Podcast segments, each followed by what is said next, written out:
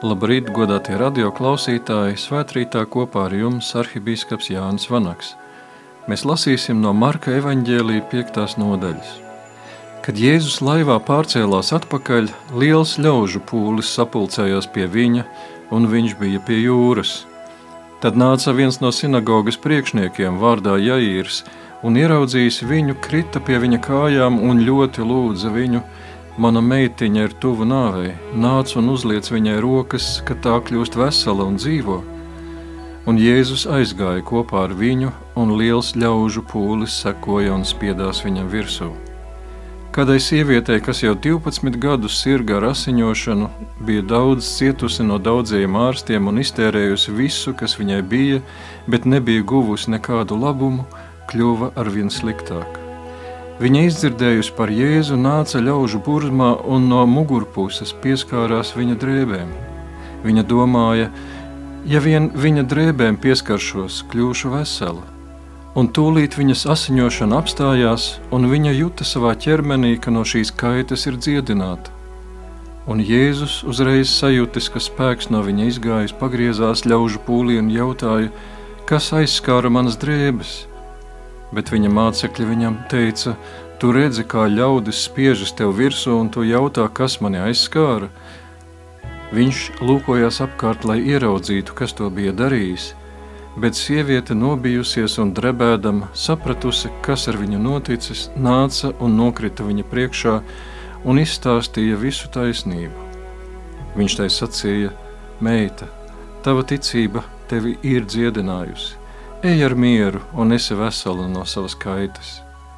Kamēr viņš vēl runāja, nāca kāda no sinagogas priekšnieka nama un viņam sacīja: Tava meita ir mirusi, kādēļ vēl apgrūtina skolotāju? Bet Jēzus viņu runāto dzirdēdams sacīja sinagogas priekšniekam: Nebīsties, tikai tici!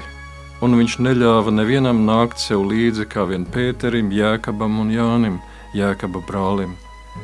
Viņa nāca sinagogas priekšnieka namā un redzēja kņadu un tos, kas skaļi raud un vaimanā, un iegājis viņš tiem sacīja: Ko ceļat kņadu un raudat? Tas bērns nav miris, bet guļ.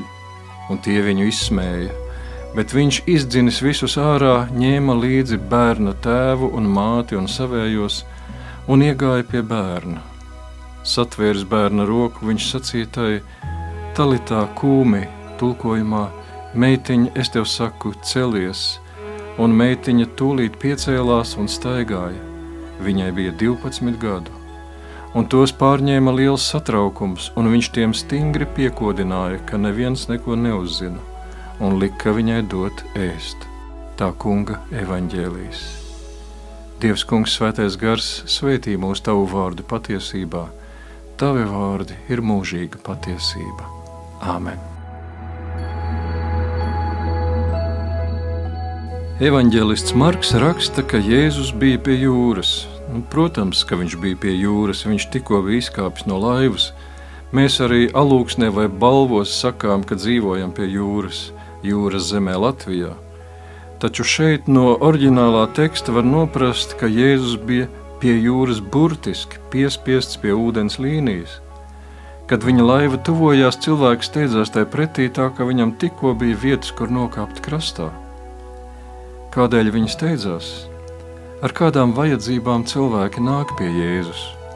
Varbūt tāpat kā mūsdienās kādi no viņiem vēlējās paplašināt apziņu, varbūt kādi gribēja dzirdēt priekšlasījumu, kādu saistošu, netradicionālu bauslības skaidrojumu, varbūt kāds vienkārši vēlējās pabūt Jēzus tūmā, līdzīgi kā mūsdienās cilvēkiem patīk ieiet tukšā baznīcā, lai sajustu svētumu klātbūtni un pabūtu vienatnē ar savām domām. Ļoti iespējams, ka tāds vai līdzīgs nolūks bija vairumam jūras malā sanākušo, vai viņu vēlmes piepildījās. Marks par to neko nestāsta. No visa lielā ļaužu pulka viņš izceļ divus, tie viņam šķiet uzmanības vērti. Viens no viņiem ir sinagogas priekšnieks, kam bērns ir ne intensīvās terapijas nodaļā vai pie plaušu ventilācijas, ne komā, bet pie beigām tur ir tas grieķu vārds eschatos. Eschatoloģija mēs zinām mācību par beigu lietām. viņa, šī sinagogas priekšnieka vajadzība bija tik izmisīga, ka viņš krita Jēzum pie kājām. Grieķu vārds pipto varētu nozīmēt gan pazemināšanos no augstāka stāvokļa zemākā, gan burtisku nokrišanu gašļauku, mešanos uz vaiga. Jaira vajadzība bija tik dziļa un patiesa, ka viņš par savu augsto sinagogas priekšnieku statusu nebēdājot, sabruka pie Jēzus kājām, varbūt pat slapjumā, ņemot vērā, ka pūlis Jēzu bija piespiedzis pie ūdens. Otra bija sieviete, kas asiņoja jau 12 gadus. Viņa vairs nespēja saskaitīt dienas un naktis, kad no viņas burtiski aizplūda dzīvība nespēks, nepārtraukts nērtības un bankrots, jo visu izdeva par ārstiem, kuri gribēja labu, bet padarīja stāvokli ļaunāku, un tam klāt nāca nošķirtība no sabiedrības un draudzes. Izlasiet trešo mūzes grāmatu, 15. nodaļu. Tajā ir sīki aprakstīts, kā sieviete, kurai plūst asins, ir nešķīsta pati un padara nešķīstu visu, kam pieskaras – kas pieskaras tam, kam viņa ir pieskārusies, tas ir nešķīsts visu dienu līdz vakaram. Un 12 gadus šī sieviete visu acīs bija nešķīsta. Visu šo laiku viņai ir bijis aizliegts atrasties cilvēku vidū, lai nevienu neapgānītu. Bet uzzinot par iespēju pietuvoties Jēzum, viņa devās cauri biezam, satrauktam pūlim. Droši vien arī tie, kas bija atnākuši ar vēlmi paplašināt apziņu un redzesloku vai dzirdēt kaut ko saistošu, vismaz pa daļai piepildījuši savu vēlēšanos. Marks par to neko negrib sacīt. Viņš apraksta tikai šos divus. Viņu ieguvums šķiet tā vērts, lai iemūžinātu evaņģēlijā uz visām paudzēm. Kad es pēdējo reizi nācu pie Jēzus tā, ne lai paplašinātu apziņu vai izdaiļotu personību, Un ne tādēļ, lai viņš mani pārsteigtu ar kaut ko jaunu un nebijušu, bet tā, kā izmisušais jāīrs un sieviete, kuras ķermenis gadiem ilgi bija arēna ciešanām un sāpēm. Vai es dzīvē vispār tā, pēc kaut kā ilgojos, vai arī viss paiet vienādi remdeni, gludeni un blāvi? Un kad pienāk tas brīdis, tā stunda, pie kā es tveros, kā priekšā es metos uz vaiga, vai varbūt vienkārši sabrūku zem nastas. Daudz laimīgāka iespēja ir nomesties Kristus priekšā. Kad es pēdējo reizi to tā darīju, izstāstot visu taisnību. Lai pateicas Dievam katrs, kam nav bijis jānāk Jēzus priekšā sava mirstoša bērna vai nedziedināmas slimības dēļ. Taču arī tiem jāīrs un sieviete pūlī kaut ko stāst par ilgu spilgtumu un vajadzības dziļumu Tā ir svētīgi ilgoties pēc Dieva un lausties pie Jēzus kā šie divi. Sevišķi tad, ja ticība ir kļuvusi mazasinīga un pie beigām. To nevar augšām celt nekā citādi, kā sabrūkot un ilgi paliekot pie Jēzus kājām, tverot viņa tērpa vīli. Ja tu, Jēzu, kaut ko nedarīsi, tad nekas mani neglābs. Ja tu uzliksi roku, es dzīvošu. Ļoti iespējams, ka mums ticības ceļā ir bijuši brīži pie Jēzus kājām, kad viņa dziedinošs pieskāriens deva dzīvību. Kā tas bija? Tie ir tie brīži, kurus ir vērts ieslēgt sirdī un glabāt dārgākajās atmiņās, jo tad, kad iezogas rutīna un atsalums, mēs varam atmiņās atgriezties pie šiem mirkļiem, tiem pieskarties un par jaunu iedegties šodienai. Palūkosimies ciešāk uz diviem cilvēkiem, kuru rīcību un ieguvumu evaņģēlists Marks vēlējās izcelt un iemūžināt. Asiņojošā sieviete. Jēzus viņai saka, meita, tava ticība tevi ir dziedinājusi. Varbūt var domāt, ka šī sieva bija sieviete ar tādu nešaubīgu ticību, kuru nekas nespēja izšaubīt viņas ceļā, nekā tam līdzīga. 5. gadsimta biskups un baznīcas skolotājs Pēters Hrizologs rakstīja, ka neviena jūra nebija tik nemierīga paisuma un bēguma plūdmaiņā, kā šīs sievietes prāts, kuru viņas svarstīgās domas vilka šurpu turpu. Kāpēc viņas lapstījās? Kādēļ negāja un nelūdza palīdzību tāpat kā Jairs? Nu, uzreiz var saskatīt vismaz četrus, piecus iemeslus. Nu, pirmkārt jau dabiska sievietes kautrība Pūlis apkārt bija skaļš, un viņai nāktos savu stāstu izteikt vīrietim paceltā balsī. Mūsdienās feministas tiešām rīko akcijas, kurās izstāda savus lietotos sanitāros produktus, un mūsdienu popkultūra bieži vien ar piemēru mudina sievietes uz atkailināšanos jau pāri neķītrības robežai. Neskartai sievietes dvēselē ir grūti tā eksponēties. Viņu varēja atturēt arī nabadzība, jo nebija ar ko samaksāt Jēzumu, jo viņa zināja, ka ārstam jāmaksā, un viņa to bija darījusi līdz viss bija iztērēts un vairs nekā nebija. Viņa arī apzinājās, ka riskēja apgānīt Jēzu, jo viss, kam viņa pieskārās, skaitījās nešķīsts, un tādēļ jau viņa neķērās Jēzum pie rokas vai neapkampa viņa kājas, bet paslēpšus piedūrās tikai drēbju maliņai. To nu viņa nevēlējās kā apgānīt Jēzu. Kurš no mums gribētu apgānīt Jēzu? Viņa vēl nezināja, ka ar Jēzu viss ir otrādi, ka pieskaroties Jēzum, nešķīstais viņu neapgāna, bet pats top šķīstīts. Un visbeidzot, viņa nedrīkstēja atklāti izteikt savu vajadzību, jo atrodoties ļaužu burzmā, viņa pārkāpa bauslības noteikumus. Un, ja viņa būtu Jēzum atklāti pateikusi, kas par lietu viņa sev atmaskot un riskētu sev pakļaut sodam un pārestībām, Nu, lūk, arī mēs mēdzam svārstīties un mētāties pretrunīgos impulsos un šaubās. Ir tik daudz iemeslu tiekties pie Jēzus un tik daudz iemeslu no viņa slēpties. Un ko darīt šādās šaubās? Šī sieviete seko impulsam, varbūt neprātīgam, neskatoties ne uz ko pietverties Jēzum. Kad mana dzīve atdūrās kā pret sienu, es braucu uz garīgajiem vingrinājumiem, lai ikdienas dzīvē nepieejamā intensitātē tvertos kaut pie Jēzus drēbju vīlītes. Citi dodas uz rekolekcijām mūsu baznīcas garīguma namā Mazirbē, Kas ir tavs veids, kā sekot impulsam uz Jēzu? Tādam noteikti ir jābūt dzīves aptieciņā. Piedzīvojusi pārmaiņu un dziedinājumu savā ķermenī, sieviete nometās Jēzus priekšā, lai atzītos un izstāstītu visu, jo tagad viņa drīkstēja tur būt un runāt tādēļ, ka Jēzus viņu bija šķīstījis. Arī mūsu Jēzus ir šķīstījis svētajā kristības sakramentā. Es drīkstu, bet kas ir tas, ko man vajadzētu viņa priekšā atklāt un izstāstīt, lai dzirdētu, tava ticība tev ir palīdzējusi. Palūkosimies arī uz Jaīru.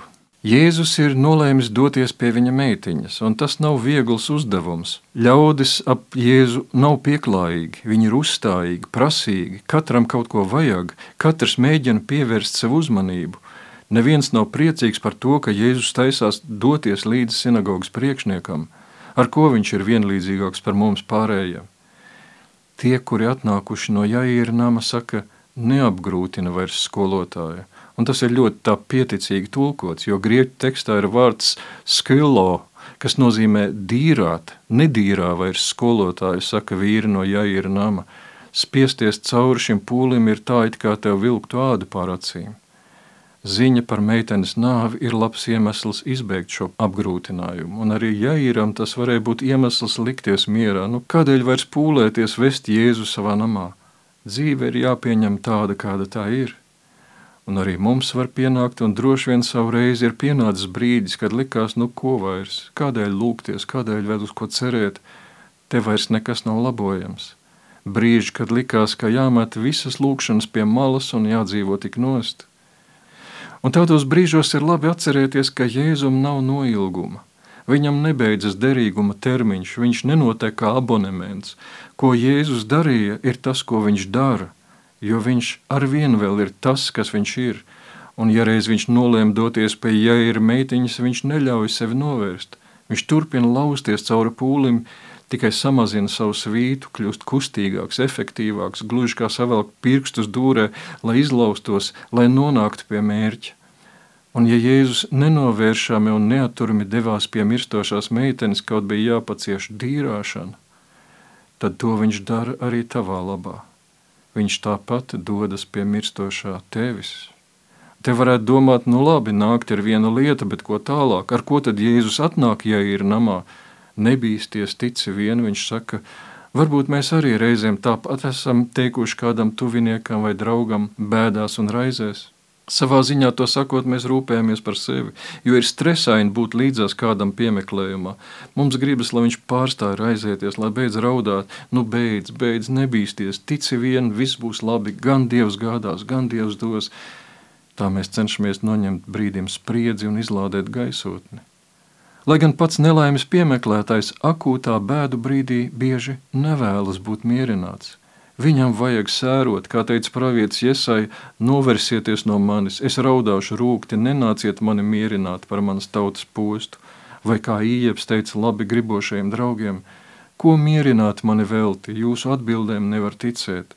Un tā Ieba draugi atnāca un klusēja ar viņu bēdās septiņas dienas. Kādreiz vajag vienkārši pabūt blakus un paklusēt. Reizēm labāk nekā runāt un dievoties ir sēru brīdī palīdzēt praktiski, atslogot no ikdienas rūpēm. Mierinājums neraudi, viss būs labi, mēs tik viegli varam lietot tādēļ, ka atbildību pārliekam uz Dievu, gan Dievs parūpēsies. Bet, ja nē, tad es jau neteicu, ka es kaut ko izlabošu. Es teicu, ka Dievs parūpēsies. Ja neparūpējās, tad tas ir uz viņa sirdsapziņas. Mēs droši vien daudz apdomīgāk teiktu, viss būs labi, ja pašiem pēc tam būtu jāgādā, lai viss tiešām ir labi. Jēzum pašam ir jāatbild par dotajām cerībām. Nonākot galā pie mirušā bērna, visi taču raudzīsies uz viņu. Nu, dari kaut ko, attaisno cerības, kuras pats devi nelaimīgajam tēvam. Jēzus saka, nebīsties, tikai tici.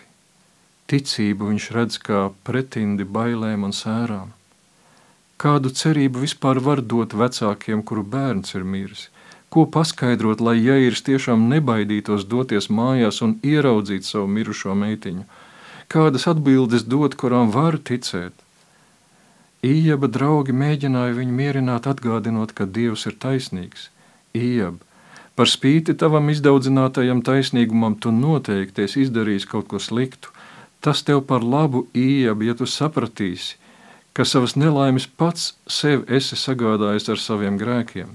Dievs ir taisnīgs, un viņa sots ir saprotams un atmaksa paredzama. Kā var ienākt prātā kādu mierināt bēdās, sakot, pats esi vainīgs, tas tev par taviem grēkiem, nežēlīgi un nevietā.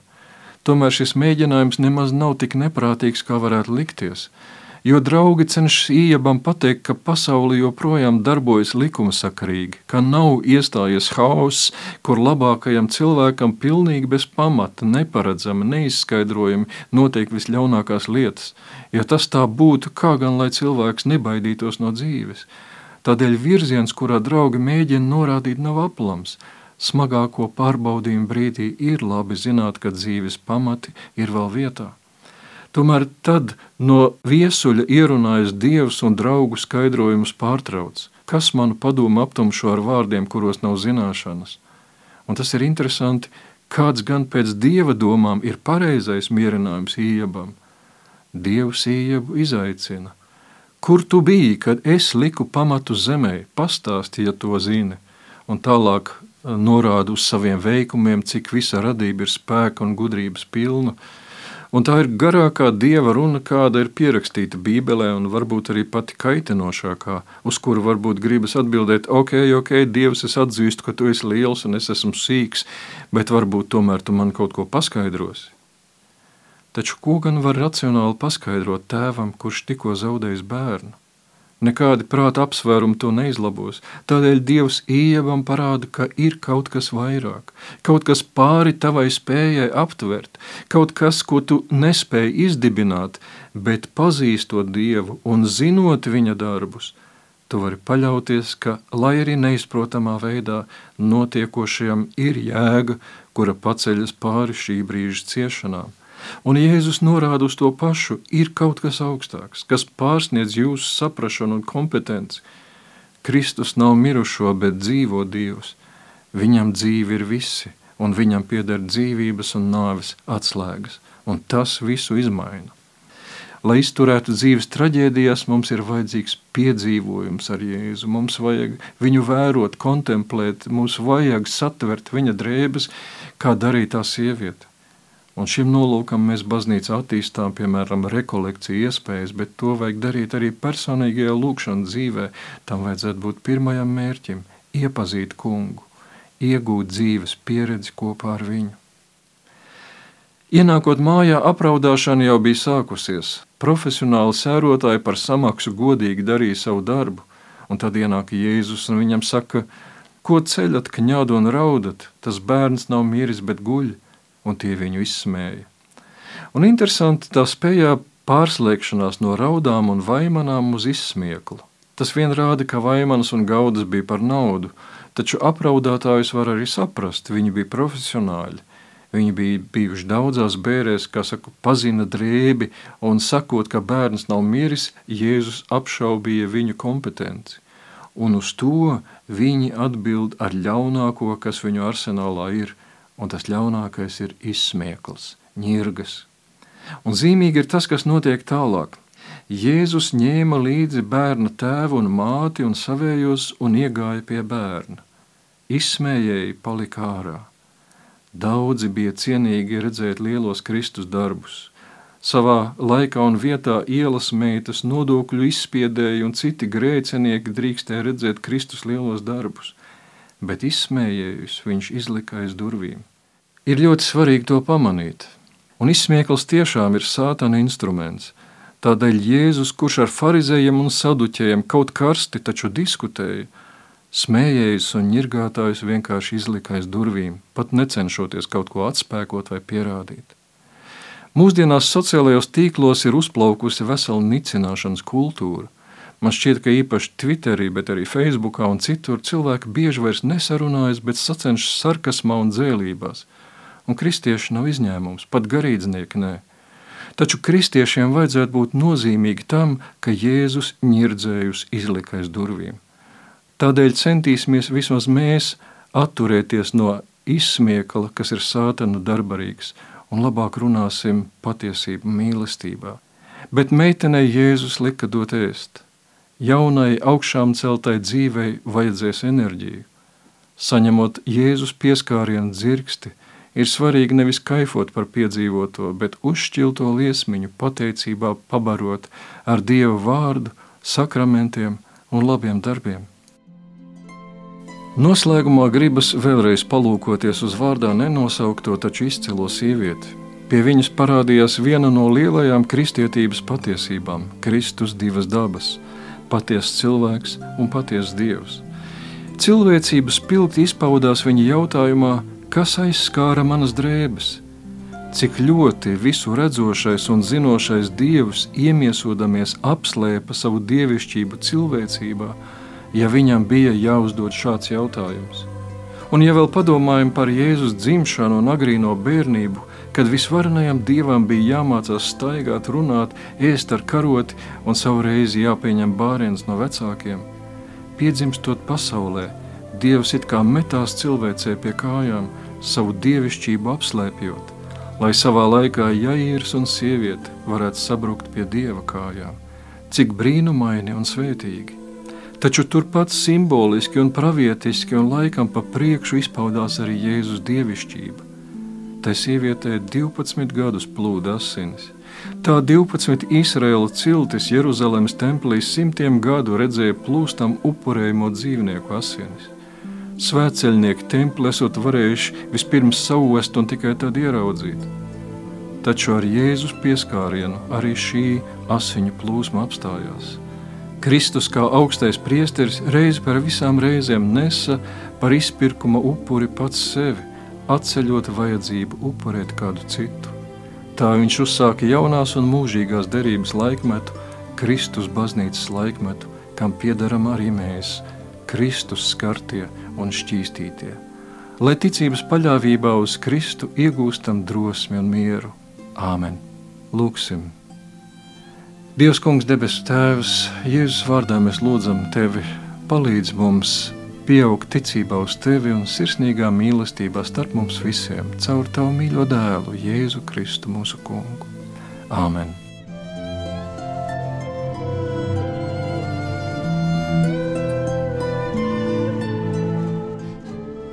Svētrītā kopā ar jums bija arhibīskaps Jānis Vanaks.